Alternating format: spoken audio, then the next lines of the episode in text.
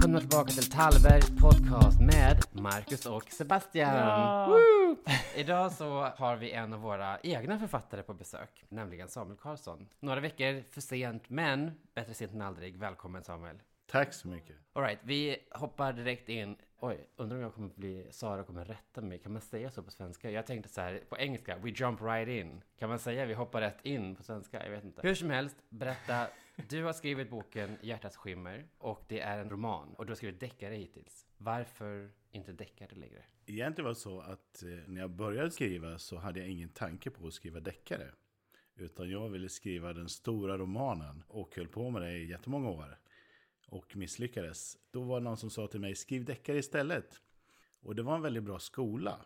För att deckare har ändå en fast form. Man förväntar sig ett mord och en utredning. Och det är vissa karaktärer som man kan bygga på. Och på så sätt så lärde jag mig också att skriva en roman. Och eh, när jag kände mig redo för det igen så gav jag mig på det här projektet. Att skriva om Carson McCullers då. Och det tyckte jag, jag, jag var mogen för det. Och då ville jag testa det. Men det är ganska förnuftigt av dig att tänka så här. Nej, men jag väntar med det tills jag har fått redskapen till att skriva det istället för att bara. Eh, ibland kan det fungera att hoppa. Jag hoppar rakt in igen. Vet du, att bara satsa på det och göra det bara det man vill. Men ibland så kanske man behöver vänta för att göra det så att det ska bli bra. Ja, det, det finns ju det här uttrycket kill your darlings. Ja. Som myntas av William Faulkner. Och i början när jag skrev så tyckte jag att jag var så fantastiskt bra. Att jag skrev så otroligt bra formuleringar. Jag var liksom kär i mina egna formuleringar. Men det var ingen annan som begrep hur bra jag var. så jag var liksom tvungen att liksom lära mig först var gränsen gick mellan min genialitet och vad som faktiskt funkade. Vem är det som läser och säger att nej, men det här är inte bra, det här är bra? Ja, det är, det är framförallt min fru då, Hanna, som läser. Och eh, sen har jag några sådana här provläsare också som ger mig bra feedback. Problemet är att många är alldeles för snälla. Och det är faktiskt någonting man inte vill när man skriver. Utan man vill höra att det här funkar inte, det här måste du göra om och stryk det här. Och det, och det är Hanna ganska bra på, att vara lite brutal. Så. Ja, men det är Det kan jag också vara emot dig, Marcus. Jo, det är sant. Det är sant. Men det, men det som du säger, det är extremt viktigt också att kunna ta emot en sorts kritik. Därför att man blir så självblind i sin egen text. Så det är jätteskönt när utomstående kommer in och gör det. Hur har processen varit? För du började med deckare, nu satsar du på Carson McCullers. Varför Carson? Ja, Carson, och det är också lite av en slump sådär, att jag gick en skrivarkurs just för att skriva deckare. Och då skrev jag på ett sätt att jag bytte perspektiv mellan olika personer och lite speciellt sådär. Och då var det en lärare som sa, försöker du skriva som William Faulkner? Och jag har aldrig hört talas om William Faulkner.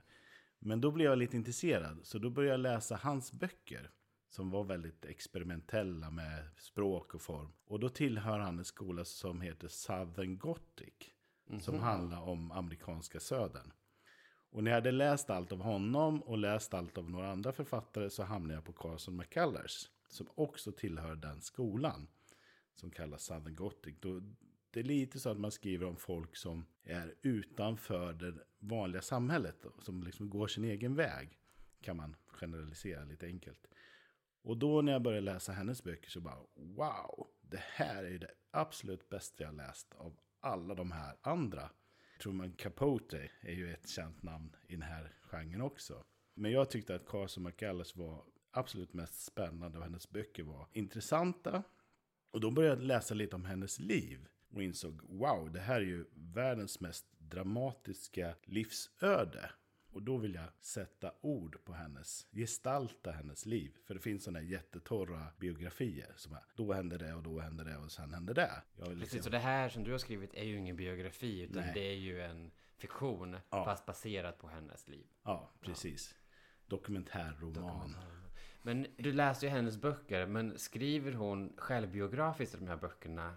Eller hur kom du i kontakt med hennes liv? Hur fattade du att det var så intressant? Ja, alltså det är inte självbiografiskt, men det är ändå väldigt nära hennes egen uppväxt i södern och hur hon själv upplevde att växa upp i den här ganska trånga miljön rent mentalt. Både med rasism och religiöst hyckleri och ja, sexuella normer, alltså normer för hur man ska leva i en relation. Och hon var, passade inte riktigt in där. Sen är inte hennes böcker självbiografiska, men på något sätt så vill jag veta mer om hennes liv. Det första jag fick veta då var att hon gifte sig med en man och sen skilde hon sig. Och sen gifte hon sig igen och sen skilde hon sig. Och jag bara tänkte, men herregud, varför håller hon på så här? Och då kom det ju fram liksom att hon var ju bisexuell. Förstod inte riktigt det här, varför måste jag vara gift? Men det, men det var någonting som efterfrågades av omgivningen. Men samhället såg väl ut då också, att det ja. var ju de normerna som man var tvungen att passa Precis. in i. Men, men då såg jag bara att det här är ett enormt spännande livsöde. Hon var jättelångt före sin tid. Och hennes böcker också före sin tid fortfarande, kan jag tycka. Och sen, hon är ju faktiskt också en sjukt stor inspiratör till väldigt många fortfarande. Jag vet att det var en bokhandel som hade en utbildning om kvinnliga inspiratörer. Och då var Carson McCullers en av dem. Och det kan jag förstå. 23 år gammal var hon ju när hon publicerade sin första bok. Hjärtat jagar Alena. Ja, Sa jag rätt? Bra. Ja. Det är verkligen på prov här. Man sitter med en Carson-expert. Det, lå det låter bättre på engelska. The heart is a lonely hunter. Det låter mm. lite mer... Ja, det håller jag med om. Det var när vi bollade idéer till... Eh, eller bollade, du kom med massa bra idéer och jag sa ja eller nej. Men jag, då tänkte jag ändå att om vi skulle kunna få ihop det med någonting. För att jag älskade också The Heart is a Lonely Hunter. Jag tänkte att ah, det är så himla fint. Men hur kan vi få in det här på svenska? Det låter inte bra. Hjärtat är en ensam jagare. Nej. Och sen så ville du ha någonting med skörhet och, mm. och sånt. Det var ju en... Ja, det var en, det är inte lätt att hitta en titel, Samuel, eller hur? Nej, det var jättesvårt. Och, och jag kan säga, innan jag kom till dig så hade jag säkert haft en fem, sex titlar som jag hade ratat. Men jag kom fram till att jag ville ha någonting med hjärtat. För det var liksom ändå så centralt i hennes liv på något sätt. Att hon följde sitt hjärta före hjärnan liksom. Så det var ju några vänder där innan vi landade. Ett av våra, det första som jag fick från dig, det var ju hjärtflimmer. Men då var det ju väldigt många som tänkte på, eh, som trodde att boken skulle handla om sjukdomen hjärtflimmer. Ja. Och det hade inte jag haft en tanke på att man kunde göra den kopplingen. Liksom, eller jag förstod ju att det var en sjukdom, men för mig var det liksom det här nerviga och lite nästan ja, sköra och så. Men det var flera som sa, ah, ska du skrivit om en sjukdom? Nej, det kan man inte läsa. och vi valde till slut Hjärtats skimmer. Ja. Vilket är en jättefin titel. Och det gjorde vi på golvet på Bokmässan i Göteborg. vi stod där och spånade. Med säljbolaget var ja. det ju till och med. Eh, som vi jobbar med. Det var en brainstorm där på några minuter, men det, men det landade bra. Absolut, det satt ju fast. För vi, vi sa ju bara, men vi testar och sen så återkopplar vi om vi kommer på någonting annat. Men den, den, den fastnade. Och en annan grej som hon är en stor inspiration till för många är ju att hon dels vågade gå sin egen väg på så många olika sätt. Det var ju dels det här med författarskapet. För på den tiden så har jag fattat det som att kvinnor skrev under pseudonymer när de publicerade deras böcker. Precis. Under manliga pseudonymer då. Men hon var, hade ju sitt eget namn. Mm. Så det är ju skitstort. Och sen det andra var ju att hon vägrade att passa in i den här kvinnonormen med tjejkläder, klänningar och, och sånt. Du kan ju berätta, det låter ju bättre när du berättar. Ja. Nej, men det var ju så, redan när hon var barn så sprang hon ju omkring i pojkkläder, alltså kortbyxor och T-tröjor. För det var ju det som var mest praktiskt. Hon gillade att klättra i träd och liksom brottas med de andra killarna eller tjejerna och liksom var lite pojkflicka så va. Hon skriver någonstans att hon kunde inte förstå varför det skulle vara så stor skillnad mellan pojkar och tjejer. Och hon var varit kär i en tjej när hon gick i femte klass eller något sånt där. Men det var någonting som hon förstod att det här var inte riktigt rätt. Men hon förstod inte varför. Och så fortsatte det väl hela livet. Fast hon struntade i att det inte var riktigt rätt. Utan körde på det hon tyckte kändes rätt för henne.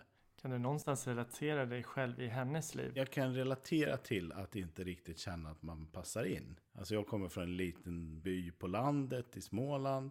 Som också var väldigt religiös. Och eh, där man förväntades välja vissa yrken och gå vissa banor och så. Och jag ville skriva och inte vara fast i att skriva på ett visst sätt eller om vissa ämnen. Utan ville upptäcka större vyer liksom. Så där kan jag känna mig igen mig väldigt väl med den här amerikanska södern faktiskt. Även om det kanske var mer fattigdom där och så. Men mentalt kan jag förstå. Mer friterad mat kanske? Ja, precis. Men eh, så jag kan känna igen mig i det här att stå lite utanför och vilja söka sin egen väg.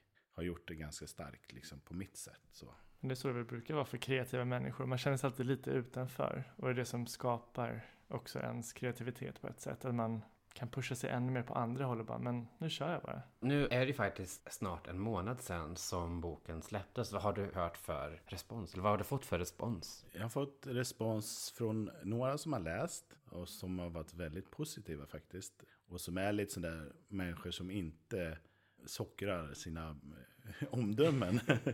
så det känns väldigt bra. Jag har inte hört så mycket från läsare som är lite utanför den närmsta kretsen om man säger så. Det är ändå jobbarkompisar och ändå de som var med på releasefesten och så här som, som har kommit med kommentarer. Där väntar jag väl ändå lite på att det ska komma mer, förhoppningsvis. Ja, sånt brukar komma lite sporadiskt också ibland. Man får kommentarer ett halvår senare kanske. Man bara, vad kul att det är någon som läser nu. Så att... Jag vet ju att många, liksom, de som har tagit boken nu, säger att ja, men jag tar det där, läser den i sommar. Liksom. Ja. Så att, Ja men precis. Det är ju så himla mycket nu inför vår och nu är det påsk nästa vecka och bla bla. Folk kommer alltid med ursäkter. Men däremot så väntar vi faktiskt på recensioner fortfarande. Så det kan ju också vara en av anledningarna till att du inte har fått så mycket utomstående. och det är också så, ja, om man håller på och skriver på sin Facebook och, och försöker få lite engagemang. Där, det är bara också en balansgång, för folk tröttnar till slut. Och Nu tjatar de om sin bok igen. Liksom. Men du har ju så många böcker. Ja, Så du kan ju här portionera ut lite får- grann av varje. jag får variera. Men kommer du skriva mer av den här typen av böcker sen eller hur? Jag hoppas det. Mm. Jag hoppas det. Jag har ju en jättebra idé som är på sa- ungefär samma tema. Det är ett livsöde helt enkelt som liknar Carsons på många sätt fast ännu mer spännande. Aha. Är, det, det, är det Reeves McCullers? Nej, Nej. inte riktigt. Men, eh, och det skulle vara jättespännande. Men det kräver så otroligt mycket research. Och eh, för att det ska bli bra så det tar liksom två, tre år om jag ska få ihop det på ett bra sätt. Hur lång tid eh, tog Colors? Den tog ganska lång tid faktiskt. Och idén väcktes tidigt, men sen tills jag hade läst in mig så tog det säkert ja, två, tre år innan jag började skriva. Och sen när jag började skriva så tog det säkert tre år till innan jag var färdig. Och jag gjorde om och gjorde om. Ja, det är den boken som jag har jobbat mest med. Och skala ner. För att eh, hennes liv var så otroligt spretigt om man får säga så.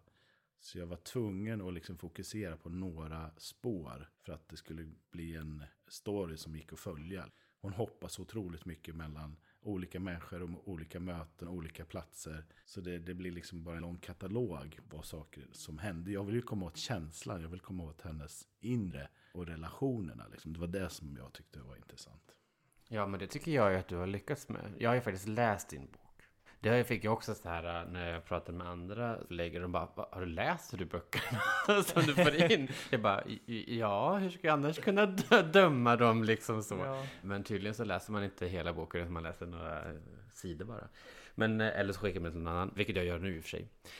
Men eh, så att jag fastnade verkligen för ditt språk. Jag såg precis allting som du skrev framför mig och jag kom in i den världen på ett sätt som jag älskar. Jag vet inte om det var i rätt tid som jag läste boken eller vad det var, men jag, jag, alltså, du ska ju inte tycka att ditt språk inte är genialiskt för att det är väldigt vackert och det har jag sagt till dig flera gånger.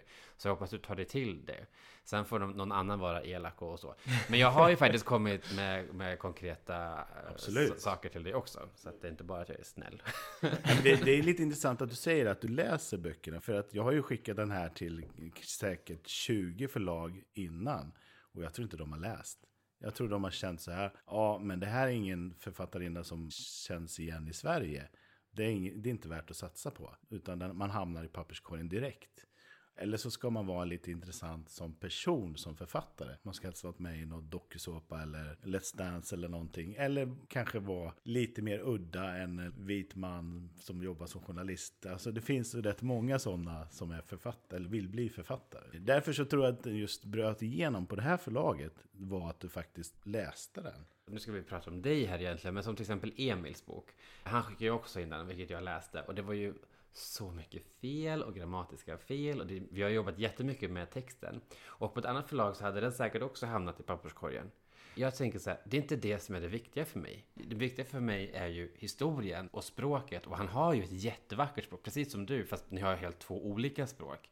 Och det är det som är det viktiga. Sen så är ju både du och han intressanta på olika sätt. Och jag tycker det är häftigt att du har gått från deckare, du sprutar ut deckare. Och de ligger ju högt upp på listorna hela tiden. Jag ser ju, följer dig på Facebook där det bara, nu, tionde veckan eller vad det är, på ettan. Ja. Och det är ju fantastiskt, du är ju jätteinspirerande. Och det finns så mycket driv och ambitioner i så att du ska inte slå ner dig själv för det.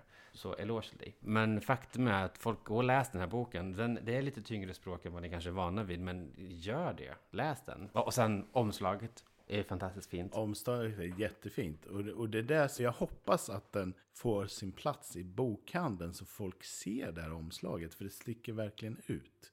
Och jag gillar det, att det är ett helt eget språk. Den är ju ett original från början som är en oljemålning. Och det känns verkligen att det här det är ett annat sätt att göra omslag. Mm. Så jag hoppas att den inte bara står med ryggen utåt på alla bokhandlar. Utan att de vänder på den så att folk ser den. Ja, det måste ha varit lite konstigt för dig som är vana liksom få omslagsrevier. Jag vet inte hur de andra förlagen jobbar med som du jobbar på, men och så kommer du till oss och vi bara, vi gör på det här sättet. Ja, det var lite så. Jag hade en ganska klar bild över hur jag ville att omslaget skulle se ut. Och det var inte så här. Men jag är också så här ödmjuk inför att när någon gör det bättre, då, då skiter jag i det jag själv tycker från början. Och jag såg direkt att det här är ju faktiskt mycket bättre än det jag hade tänkt från början. Ja, men då är det bara att köra. Ja, men vi är, inte, vi är ju inte traditionella på det sättet. Och det hoppas jag kommer fram i vårt språk också. Och det är jättekul att vara med på den här resan tillsammans med dig. Men okej, okay, berätta nu. Vad ska du göra nu? Nu har du lämnat Carson. Jag vet att du har lämnat in en ny deckare. Har du något nytt som du ska skriva nu eller? Så här är det, jag jobbar ju hela tiden med deckare. Det är ju så att det funkar. Jag har hittat ett spår som funkar. Jag tycker också det är kul att leka med den formen. Det är fortfarande så att jag experimenterar och lär mig skriva genom deckarna. Så det kommer en deckare i sommar och jag håller på att avsluta nästa. Och jag har ett nytt projekt på gång. Så att, men det är också lite så att det är lite där ekonomin ligger också.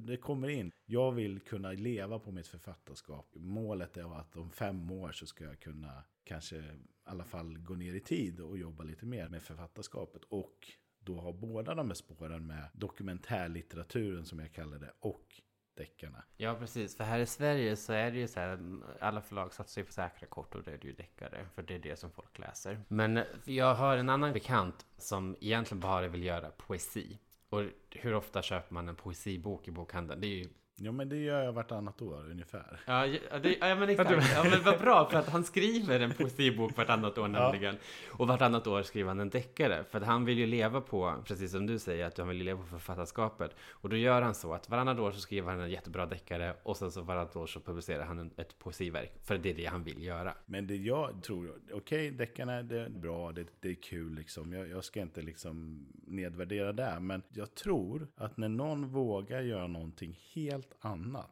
och verkligen tror på det så kommer det sticka ut också till slut. Speciellt det spåret som Tallbergs förlag kör. Liksom. Det är så radikalt och så övertygat så att det måste på något sätt nå igenom bruset. Här är någon som tror på någonting annat. Vad spännande, det här vill jag läsa. Jag tror det, om man orkar hålla i det så måste det också ge tillbaka. Från din mun till vilken gud nu som kan få den uppfyllelsen. och peppa peppa ta ett träd. Nej men det är verkligen så. Och vi, vi jobbar ju stenhårt. Vi är inte många som gör, jobbar i det här förlaget. Jag är så tacksam för alla inblandade. Vi har säkert 30 personer som är inblandade på, på ett eller annat sätt. Och många jobbar gratis och många jobbar för ingen peng alls. För att de vet, precis som du säger, att det kommer gå tillbaka sen, förhoppningsvis. För att man vill satsa på det här, för det är viktigt. Jag menar 30 personer som ger av sin erfarenhet och kunskap och det gör man inte bara till vad som helst och till vem som helst, utan det gör man ju för att man tror på budskapet. Så att jag hoppas verkligen att eh, vi så småningom kommer att slå igenom, men det kommer kanske dröja två, tre år innan man gör det. Det gör ju tyvärr det, och det har jag också märkt när jag skriver böcker. Liksom. Det är en jättelång väg innan man får den där nedförsbacken. Men man får inte ge sig. Det är ju det som är skillnaden mellan att lyckas och inte lyckas egentligen. Det är inte om man gör så himla mycket bättre eller sämre än någon annan. Det är om man vägrar att ge sig. ja, men det är superviktigt det du säger. Och det är alltså att inte ge upp. Jag tror att det är väl det enda som de alla i självhjälpsböcker eller självtips, de här Mm. som säger vad krävs för att lyckas. Det, alla säger så, ge inte upp. Ja, alla från Oprah till J.K. Rowling, alla de här liksom. Ja. De har också fått nej, nej, nej. Och sen så. Ja men menar Går Stephen King, han är en av dem som eh, har nekats flest gånger. Och han är ju jättestor. Men många av de här stora författarna, regissörerna, Peter Jackson, och han Ja. fick ju också nej. Sen så var det ju New Line Cinema som sa så här, ja men vi vågar chansa på det här. Och sen så Mm. körde det. Och sen så blev det ju världens grej. Nej men det, man, det gäller att hitta den här personen som, man, som tror på en. Och sen så tillsammans så kan man kriga vägen fram. Jo, det är klart det är jobbigt och under vägen så måste man ha mat på bordet. Det är ju alltid en balansgång hur mycket man ska våga satsa och hur länge man orkar och sådär. Men jag tror det är det som är ändå nyckeln. Orka vara lite uthållig och så ger den ena pusselbiten den andra så småningom så bygger man upp det. Det är väldigt få som har det här eh, slå igenom över en natt, tyvärr. Fortsätt göra det du gör för att du skriver väldigt bra. Jag vill se mer av dina böcker. Jag ska ta mig tid att läsa en av dina deckare också. Förlåt, nu vänder vi tillbaka. Vi skulle ju samtala om dig, Samuel. Vi springer alltid iväg på våra, våra poddar. Ja. Men för att, åter, för att komma tillbaka till, till Carson lite grann. Vad tar du med dig från Carsons liv in till ditt eget? Ja, men det som är så fantastiskt med Carsons liv, det var att hon trodde att hon skulle bli konsertpianist. Det var hennes stora dröm. Sen åkte hon till New York för att gå på en skola där och hon hade fått lite pengar för att betala den här kursavgiften. På väg till skolan så tappar hon bort pengarna. Då vågar inte hon åka hem till sina föräldrar och tala om det här till amerikanska södern då i Columbus utanför Atlanta där. Så hon stannar kvar i New York, hon bor på ett jättesjavigt ställe, hon jobbar med jättehemska jobb och börjar gå skriva kurser på kvällen. Och så inser, det är ju det här som är min grej. Och sen så bara kör hon på och ger sig inte. Hon ska bli världsberömd författare. Och det är det som är så fantastiskt, att hon hittar sin grej. Och det är väl det det här handlar om, att hitta sin grej. Ja, det låter som taget ur en film tycker jag. Man liksom börjar på botten och sen så. Ja, men det är Går verkligen vägen. så. Ja, hon har, och sen har hon ju levt ett ganska skört liv. Det får man läsa boken för att få det lite mer. Men däremot, ja, det glömde jag säga också, vi har ju faktiskt pratat med Carson McCullers Center i USA. Så Det vi har är haft, jättebra, det är verkligen kul att du har gjort det. Ja, för att jag kände så här, jag, jag är ju ny med hur använder man du vet, personer som Mm. har dött och lever. Alltså, hade det varit en levande person hade jag ju ringt eller mejlat eller så pratat med Mm. den direkt. Ganska häftigt att ha ett möte i kalendern med en advokat från USA. Men de var så öppna och de tyckte det var ett jättefantastiskt projekt och de bara sa kör. Och grönt ljus och... För det är det som jag kan vara lite rädd för om, eller rädd för, men jag nästan förväntar mig att någon ska bli förbannad. Att jag har skrivit om den här människan och gjort hennes liv till mitt eget på något sätt. Och så ska de säga att så där var det inte alls. Och det måste man ju acceptera, att var och en har sin uppfattning av hur hon var eller hur hon kunde uppfattas. Så det, det får man ju räkna med när man ger sig in i det här sättet att skriva om en person som verkligen har funnits. Ja, men absolut. Jag hade nog den rä- jag delade nog den rädslan med dig, tror jag. När, när jag gjorde det. Jag delade den rädslan. Jag tror inte, jag vet att jag gjorde det.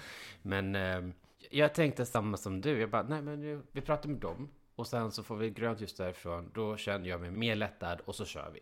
För att du tror så mycket på det här och jag, det är en väldigt bra bok. Jag vill att folk ska läsa den för att den är inspirerande. För det är ju inte så att det är bara ett, ett vackert porträtt, utan det är ju verkligen så här ner i skiten också. Det är inte alltid som de framträder så snyggt, utan det är ju, de är ju mänskliga Ja, liksom. men precis. Det är väl det snarare som är mänskligt.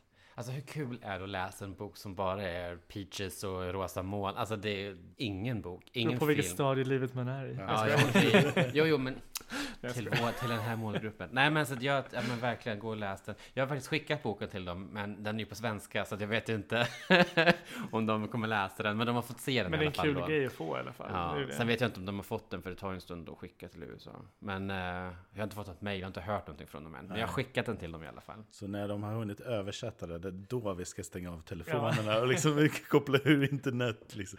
Ja, precis. Nej. Nej, men de var så himla... De bara, behöver ni bilder? Behöver ni texter? Gamla dikter? Bara, Nej, det, han har redan koll. Du har ju gjort så mycket research, för att mer, du kan inte göra så mycket mer än så. Liksom, Nej, och det, och det är som jag sa, där, jag har ju ändå valt ett visst utsnitt ur hennes liv. För annars hade jag suttit och skrivit fortfarande. Mer information hade bara gjort det ännu jobbigare. Men, eh, ja, och sen hade vi deadline också, som vi var tvungna att förhålla oss till. Ja, precis. så jag bara, nej, inget mer material. Så kunde du gjort en miniserie av det. Jag kunde ha gjort en miniserie. Trilogi absolut, kanske? Absolut. Spännande. Var hittar man dig Samuel på sociala medier? Ja, man hittar väl mig på Instagram och Facebook och sådär. Men vad heter du då? Då heter jag Samuel Karlsson. Nej, men på Instagram heter jag Samuel understreck L Karlsson. Och L är någonting, är det en hemlighet eller? vad- vad det? Nej, men alltså jag tänkte lite Samuel L Jackson då. Va? Så, Jaha. ja, men, Eller förstår ingenting. men L står faktiskt för någonting. Men det, du vet, Ah, den är svår. ooh. Den är svår. Det här, oj oj oj oj. Nej, men det, det är ju Lars då va? Det är ju inte Ja. det är ju inget, det är inget så Skulle inte ha rockstjärnenamn. sagt det, håll dig tyst bara. Nej men gud vad roligt. Tack så jättemycket för att du kunde komma hit. Ja, det var underbart. Jätteroligt. Tack så jättemycket och toodaloo!